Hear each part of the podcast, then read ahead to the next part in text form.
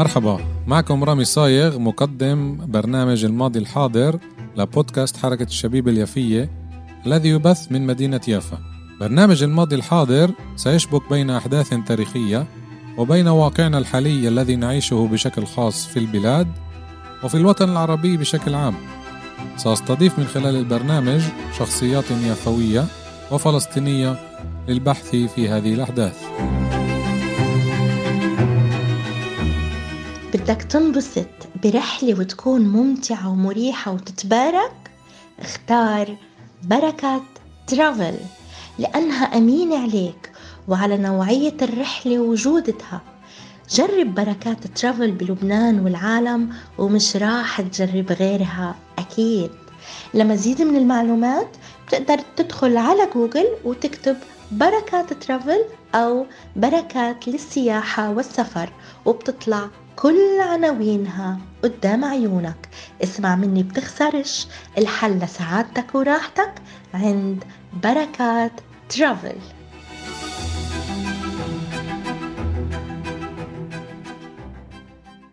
تحياتي مستمعاتنا ومستمعينا الكرام من جميع أنحاء العالم.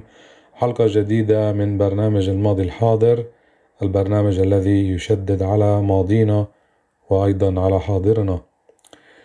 حلقة اليوم هي حلقة عن قرية مهجرة منكوبة من قضاء يافا ألا وهي قرية إجليل قرية إجليل قسمت إلى جزئين وهي إجليل القبلية أي الجنوبية وإجليل الشمالية.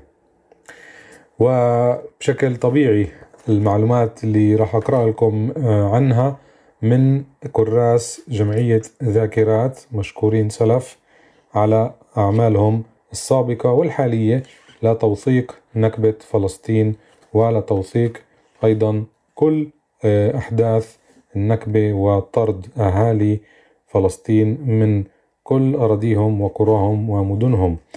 الكراس مطبوع قبل عدة سنوات على الأغلب ما قبل 2012 بس آه، لليوم بنفع الواحد يتابع المعلومات هذه حتى ولو كانت مطبوعة آه، مش السنة السنتين الأخرانيات. كالمعتاد لما في حلقة عن قرية دون ضيف راح استغل الوقت لأقرأ لكم عن القرية وكمان شهادات من أهالي القرية اللي كانوا بالسنوات ما قبل النكبة عايشين دون أي مشاكل ودون أي حروبات. إذا تقع القريتين جليل القبلية والشمالية على تلة في المنطقة بين مفرق جليلوت وهرتسلية مصطلحات العبرية طبعا. جليلوت انبنت على جليل الجنوبية وهرتسلية على جزء من هرتسلية على جليل الشمالية. سميت القرية إجليل نسبة إلى الشيخ الصالح عبد الجليل المدفون فيها. يعود تاريخ استيطان هذه القرية إلى القرن التاسع عشر.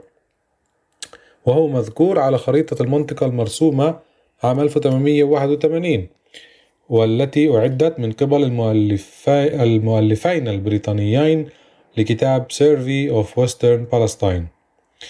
هذه الجملة أو العنوان يثبت لنا أنه فلسطين مش اللي بنعرفها كانت أوسع بكتير من اللي بنعرفها أي هناك فلسطين شرق آه، نهر الأردن وفلسطين غرب نهر الأردن. وطبعا الإنجليز عشان يسيطروا إجوا قسموها لشرق الأردن اللي ما تسمى اليوم مملكة الأردن وغرب الأردن اللي هي فلسطين المحتلة. كان معظم سكان القرية من المسلمين بلغ عدد سكان القرية عام 1931 نحو 305 نسمات. وفي عام 1945 تعداد أخير أو قبل الأخير بلغ عدد سكان القرية نحو 870 نسمة 190 منهم في الشمالية و680 في الجنوبية. اعتاش سكان القرية من الزراعة وصيد الأسماك لأنها قريبة كتير على الشاطئ. مساحة القرية 17657 دنما استخدمت لزراعة الحبوب والحمضيات والتوت والجوافة الموز والخضار مثل الجزر والبطاطا. التعداد الأخير سنة ال 48 مش موجود بهذه الكراسة ولكن أكيد كان في تعداد بعد ال 45 سكن القرية أيضا 40 40 عاملا من مصر حيث اشتغلوا في الزراعة. معظم المنتوجات الزراعية بيعت في يافا. بنيت منازلها بالأسمنت أو الطوب. طبعا الملاحظة عن العمال المصريين هذا بضيف لنا المعلومة اللي إحنا بنعرف عنها ودايما بنذكرها اللي تحكي عن العمال العرب غير الفلسطينيين اللي كانوا يجوا يشتغلوا بالزراعة وبشكل خاص بالساحل الفلسطيني عشان الحمضيات اللي كانت بكثرة بقضاء يافا الرملة واللد. فهاي المعلومة كمان إيه، أضافت لنا إيه، على الموضوع الكبير ألا وهو زراعة الحمضيات وتصديرها إلى دول حوض البحر الأبيض المتوسط وحتى أيضا للولايات المتحدة. القرية الشمالية بنيت على شكل مستطيل وقد امتدت من الشمال إلى الجنوب بمحاذاة طريق يافا حيفا. إجليل القبلية أي الجنوبية هي الأكبر وتتألف من ثلاث مناطق رئيسية حيث أن المساحات الخالية بينها تحولت إلى منطقة مبنية. كما يوجد في القرية كان يوجد في القرية جامع ومدرسة ومقبرة. هلا في عنا معلومة عن ما قبل النكبة ببضعة أسابيع. بقولنا هيك إنه ممثل يعني مندوب قرية جليل جميل الجاسر اشترك في اللقاء المشهور المنعقد بتاريخ 28 شباط عام 1948 مع مين؟ مع زعماء قرى المنطقة يعني كل القرى قرى يافا. وعلى فكرة هاي القرى أغلبيتها هي القرى البدوية يعني اللي كانت عامرة لحد النكبة مثل إجليل آه، جريشة وطبعا آه، الشيخ مونس طبعا مختلطة كانت إنما أكثر قرويين بس القرى اللي كانت آه، عبارة عن بدو مزارعين كانت برضو قرية أو قريتين. جماسين الغربي وجماسين الشرقي. فهذول عقدوا اجتماع مع ممثلي العصابة الهجناء إيه، يعني الجيش المسلح تبع الحركة الصهيونية. إيه، في بيت أبرا أبراهام شابيرا في بتح تيكفا اللي انبنت على أراضي ملبس. ممثلو القرى العربية الفلسطينية عبروا عن رغبتهم في السلام. آه طبعا أبو كشك نسيت أقول كمان هاي قرية كبيرة وبدوية. هذول اجتمعوا ليعبروا عن رغبتهم في السلام وأعلنوا أنهم لن يسمحوا للجيوش العربية بدخول قراهم وفي حالة عدم تمكنهم من ذلك فسوف يطلبون المساعدة من الهجناء. في نهاية اللقاء دعا جميل الجاسر الحضور لتناول وجبة فاخرة كان من المتوقع إقامتها في الثاني من نوفمبر إلى أنها لم تتم. لأن إجليل أخليت من سكانها بتاريخ 3 نيسان نفس السنة بسبب المخاوف من هجمة متوقعة وعلى خلفية مقتل ستة من أبناء عائلة شوبكي من قبل الهجناء يعني هنا بيجيبوا لنا إنه إيه، شيوخ العشائر إيه، مندوبي القرى البدوية اللي بقضاء يافا كانوا مسالمين لدرجة إنه كمان كانوا مستعدين يتعاونوا مع الهجناء شرط إنه ما يتمش طردهم. طبعا إحنا مش راح نزاود ولا راح نوجه أي انتقادات لأنه الايده بالنار مش زي الايده بالمي وهنا يمكن كانت رغبتهم إنه عدم الاستسلام بالمعنى السلبي هذا إنما عدم مس القرية أو القرى وعدم تهجير. بس للأسف الاتفاقيات الشفهية والمكتوبة ما تمش احترامها لأنه الصهيوني همه الوحيد هو طرد الفلسطيني وعدم احترام المواثيق. زي ما بنشوف لليوم عدم احترام المواثيق عدم احترام احترام القوانين الدولية وعدم احترام أي طرف يعاديهم. هم نفسهم طبعا معادين بس بالنسبة لهم الطرف الثاني هو المعادي. خلال الحرب أقيم معسكر عمل كبير للأسرى الفلسطينيين على أراضي القرية وفي عام 1950 أقيمت في نفس المكان وحدات سكنية. أما اليوم فقد أقيم مجمع تجاري كبير على أراضي جليل القبلية والذي يحتوي على 21 قاعة للسينما ومعسكرا للجيش الصهيوني وعلى أراضي جليل الشمالية أقيم القسم الشمالي لشارع عيالون الشارع السريع ومحطة قطار هرتلية وموقع لدفن النفايات. باختصار إيه، قرية صغيرة بس طبعا إيه، تم تهجير أهاليها رغم نيتهم إنه يبقوا ويتعايشوا مع المهاجر الصهيوني. شهادات من أهالي القرية. في عنا محمود أبو سنينة اللي زار القرية عام 2004 كان يقول هيك كانت العلاقات منيحة مع اليهود بدون أي فرق. كنا ننام عندهم وهم يناموا عنا. كنا أكتر من أخوة. كنا في السابع عشر من كنت أنا عمري 17 سنة 48 والسينما سيتي كانت تلة كركار وبيتنا كان على التلة. وين ما بنوا قاعات السينما زي ما قلت قبل شوي.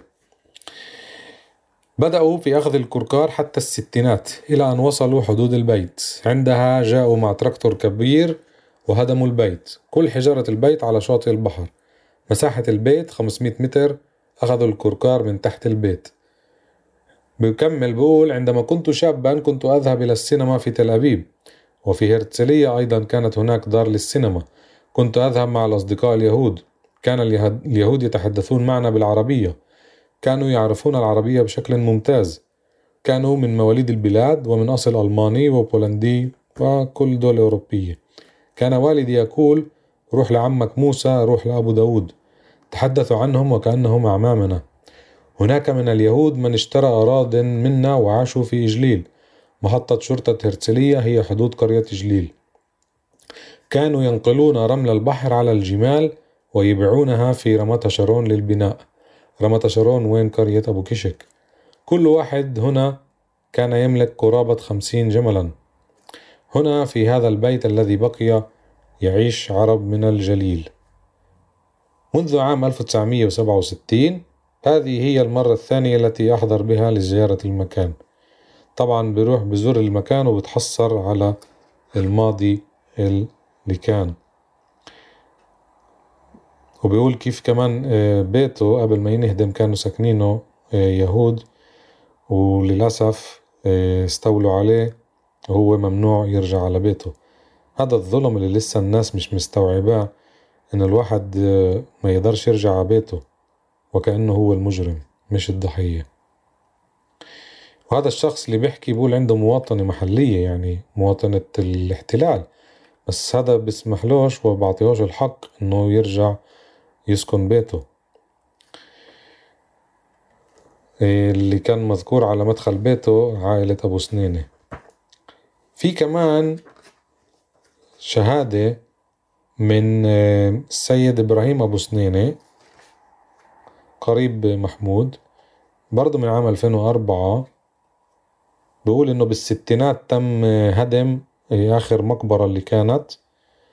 وبنوا عليها عمارة لشركة الاتصالات سيلكوم بهرتسلية بيتوخ.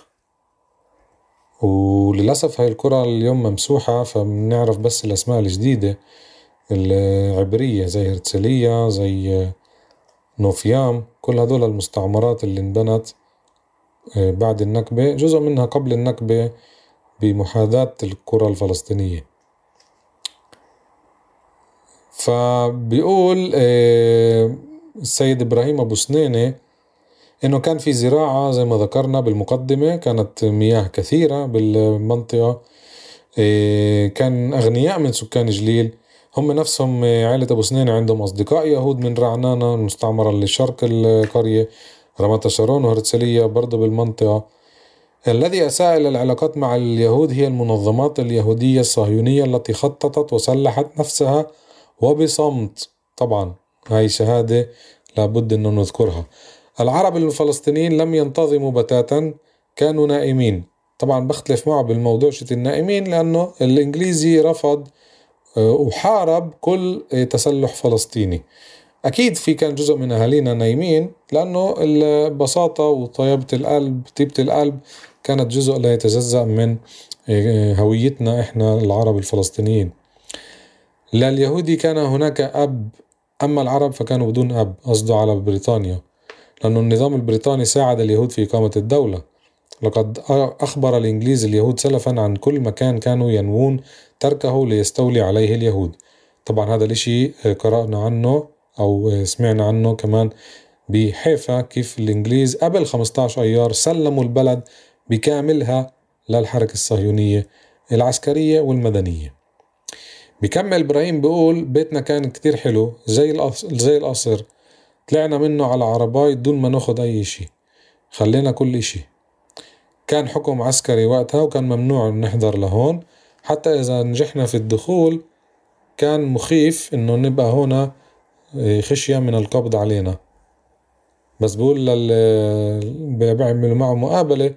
لو اليوم كان هذا الإشي كان ولا ولا طلعت من داري. ولا استسلمت. اليوم وعي الأمور بشكل آخر. بالسابق ما كانوش يدركوا هذا الإشي. طبعا هاي خسارة إنه كان باستطاعتهم يبقوا ويعيشوا حتى ولو مع جيرانهم اليهود. أفضل من إنه يصيروا لاجئين. بكمل بيقول خالي هو إبراهيم أبو كحيل من الشيخ مونس صاحب البيت الأخضر. اللي سيطرت عليه جامعة تل أبيب. وهو من عائلة مشهورة جدا اسم إبراهيم على اسمه. ليش تركوا أهل جليل المكان؟ مش بعيد من هون قتل ستة من أفراد عائلة الشوبكي وهذا مذكور بجريدة فلسطين. كيف تم الاعتداء على هاي العيلة؟ وقتلهم بالليل دون أي مانع من قبل الجيش البريطاني اللي كان هو مسيطر. وطبعا القتل كان من المسلحين الصهاينة. لكن للأسف كانت هناك دعاية إنه أو إشاعة إنه المقتولين أكثر من ستة فهيك الناس هربت من المنطقة خايفة على أرواحها. وطبعا بذكر الاجتماع اللي كان بملبس مع الحركة الصهيونية على أساس إنه يهدوا الأمور وما يصيرش في تعدي تاني على الكرة العربية الفلسطينية. بس للأسف الإشاعات اللي صارت على مذبحة عيلة الشوبكي وبعدين مذبحة دير ياسين خلت الكرويين يتركوا البيوت حتى المدنيين يعني يتركوا البيوت خوفا على أرواحهم. وبقول إبراهيم إنه خاله سافر للبنان. بقي هناك سنة واحدة بعدين راح ورجع على نابلس. كل مين كان معه كمان أموال اضطر يترك لا يحمي نفسه. وعائلته بقيت بالضفة للثمانينات بعدين تركوا للأردن واليوم توزعوا بعدة دول. جزء منهم موجودين بتيرة المثلث وللأسف بيقدروش يرجعوا على قراهم لليوم هذا. بكمل بقول بالخمسينات لما ما كانتش سيارات كان يجي مع أبوه بعرباي من كفر سابا الصهيونية. مش الفلسطينية لأنه برضو كفر سابا انبنت بمحاذاة كفر سابا الفلسطينية وتم السيطرة على الفلسطينية ومحو معالمها أغلب معالمها. كان والدي يبكي وأنا لم أفهم لماذا. طبعا لما كان صغير ما كانش يفهم سألت سألته لما كنت تبكي وفي كل مرة كان يجيب بأن غبارا دخل عينيه وما شابه ذلك. لم يكن يشرح لي ما حدث عام 48 كانت لنا في البيارة عدة أشجار من المندلينا وهي تشبه الكلمنتينا والتي تنمو جيدا هنا في الأرض الرملية. كنت أقطف وأضع في قميصي نحو عشرين حبة ويبدأ أبي بأكلها يأكل ويرمي بلهفة. ثم قال لي أعطني حبتان أخرتان للأكل. أجبه أجبته بأنني آسف أريدها لأمي. عندما كبرت فهمت لماذا رفض والدي أن يأخذها لأمي كي لا يؤلمها فتبكي. بقيت عائلتي وعائلة عمتي في البلاد. نحن نسكن على حدود كفر سابا بجانب نفي يمين ليس بعيدا عن قلقيلية كان لعائلتي أراض كثيرة في جليل وفي المكان الذي نسكنه اليوم. عندما طردنا من هنا بقينا وسكننا في المكان الآخر. أقمنا بيوتا هناك وبقينا في الدولة يعني قصده دولة الاحتلال. بكمل إبراهيم بيقول إنه حاولوا يحصلوا على تعويض مقابل الأراضي اللي تم سرقتها بالمصطلح القانوني مصادرتها. والمحكمة محكمة الاحتلال طبعا لا تعيد الحق للفلسطيني إنما تعطيه حق لا يسوى بقرش. فاقترحوا عليهم 500 ليرة إسرائيلية بسنوات الخمسين. مقابل كل دنم. طبعا مبلغ كتير واطي وما يبلوش هذا المبلغ. بس طبعا إحنا بنقول وبنضيف حتى لو اقترحوا مبالغ عالية مبالغ محرزة ممنوع ممنوع ممنوع.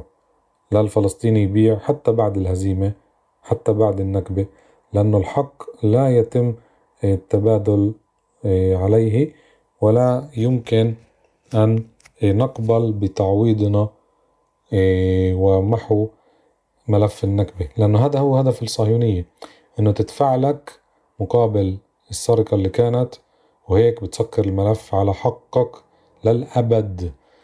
طبعا هذا غلط وأهالينا لازم توعى لهذا الموضوع. وسبق وذكرنا ببرامجنا إن كان ببرنامج زميلتي رشا بركات وبكتابها كمان لما تذوق برتقال جدي. وببرامجي الماضي الحاضر لما استضفت ابن ابن قرية الجماسين موسى أبو سريس. وقتها قال على موضوع البيع الأراضي كيف كان في إمكانية.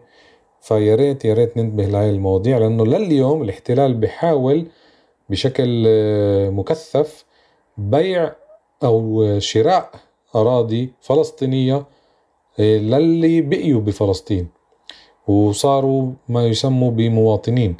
من أجل إغلاق الملف لو هو الملف العودة اللي هو أصعب ملف بالنسبة للاحتلال اللي بدوش يفتحه أصلا لأنه إجا ليسكره مش يفتحه فهاي الأمور كتير كتير حساسة يجب أن ننتبه عليها وعدم التساهل بها. ونقول لإبراهيم أبو سنينة ولجماعته ولعائلته ولكل أهالينا من كل قرى فلسطين مش بس لقرية جليل اللي بقيوا واللي ما بقيوش يعني اللي بالشتات واللي بفلسطين.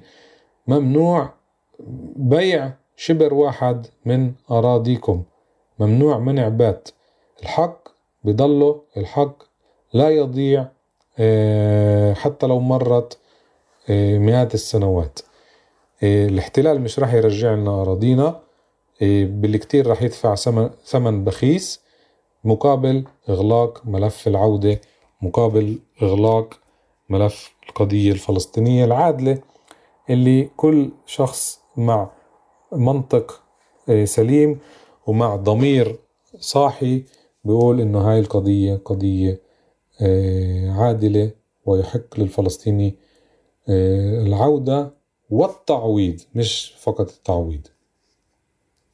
فبالنسبة لإبراهيم بالنسبة له قبول المال عوضا عن الأرض هو حل وسط لأنه فيش اليوم من يطالب هذا اللي بيشتغل عليه الاحتلال التيئيس إنه الواحد يترك وييأس ويقول خلص هذا دين ضائع زي ما قال إبراهيم لا يوجد من يطالب بات الأمر مستحيلا لا يمكن أن نأخذ شيئا حتى وإن شئنا. طبعا هذه الأمور يجب أن نحاربها وأن لا نستهين بهذه الجمل. مع كل احترام لإبراهيم ولعائلته ممنوع الواحد يوقف ويترك القضية. وبنفس الوقت طبعا ما يتوقعش من الصهيون إنه يعطيه العودة. إحنا طبعا عنا نظرة تانية للقضية وإن شاء الله أراضينا رح تتحرر لأنها قضية عادلة رغم كل الترهيب والإرهاب. والتخويف وكل الطرق اللي بدسوها من كل الاتجاهات على أهالينا من أجل اليأس زرع اليأس وزرع البلبلة وزرع كل الأفكار السلبية بموضوع العودة بموضوع الحق الفلسطيني. بكمل بقول بجليل كان هناك مسجد ومدرسة ومقبرة هدمت جميعها وقد أقيم مكانها بناية سلكم في هرتلية. وفي مثل بالعربي بيقول من الأفضل أن يقال عنك جبانا من أن تكون ميتا. طبعا هذه جملة اللي فيش عليها إجماع. ولهذا السبب هربوا من هنا خوفا. طبعا زي ما بنقول دائما الهروب بعز الحرب هو ليس هروب كاستسلام إنما طرد من قبل المحتل. والشخص الذي يهرب ليس ليس من إرادته وليس بهروب عادي وليس جبن عشان ما. ما يعرضوش نفسهم للخطر تركوا القرية ولم يكونوا على وعي بالكارثة التي تنتظرهم لقد ظنوا بأن الأمر مؤقتا أسبوع أو أسبوعين والكل سيتغير طبعا هذه كمان قضية آه، مش لحلقة اليوم اللي هي بتحكي عن جيش الإنقاذ الفاشل. نعم بقولها بكل مسؤولية لأنه اللي بقرأ وبطالع معلومات موثوقة آه، وبستنتج إنه جيش الإنقاذ كان فاشل. هذا هو اللي إجا على آه، فلسطين ليدافع عن فلسطين. وبالآخر هو فشل وكمان زاود على القضية وكتير من المواقع كان يطرد المقاومين وهو يكون مكانهم وكان كمان يطلب من أهالي القرى والمدن إنه كمان يتركوا الساحة لهم عشان يخلصوا على الجيش الصهيوني بعدين يرجعوا أهل فلسطين سالمين غانمين. طبعا هاي المعلومات بقولهاش من الفضاء إنما رح أنشر حلقات مستقبلية زي ما وعدتكم من كتاب المؤرخ الفلسطيني عارف العارف اللي كتب عن حرب النكبة من أواخر السبعة وأربعين لأواسط التسعة وأربعين. وهاي الأمور راح تكشف لكم حقائق جديدة نأمل إنه توعي كمان وكمان فلسطينيين وعرب كمان من الدول العربية اللي بيزودوا علينا للأسف الشديد. وهاي الحقائق لازم تتوزع وتنتشر إلى جميع أنحاء العالم العربي على الأقل. هذا هو لحلقتنا اليوم. بتمنى إنه تكون آه، ملائمة لسماعكم وبأمل إنه آه، أعطيتكم معلومات جديدة. هذا هو هدفنا إنه نوصل معلوماتنا الحقيقية والمصادر الأولية لأنه إحنا أصحاب القضية. ومثل ما عودتكم آه، هناك رسالة كان يجب أن تصل ووصلت. نأمل أن تتابعونا على جميع التطبيقات سبوتيفاي بودبين جوجل كاست و Apple cast وعندنا صفحات صفحة بودكاست حركة الشبيبة اليافية بتطبيق الإنستغرام. وعندنا طبعا صفحات الفيسبوك حركة الشبيب اليافية وبودكاست حركة الشبيب اليافية نلتقي بحلقة جديدة. الله معكم.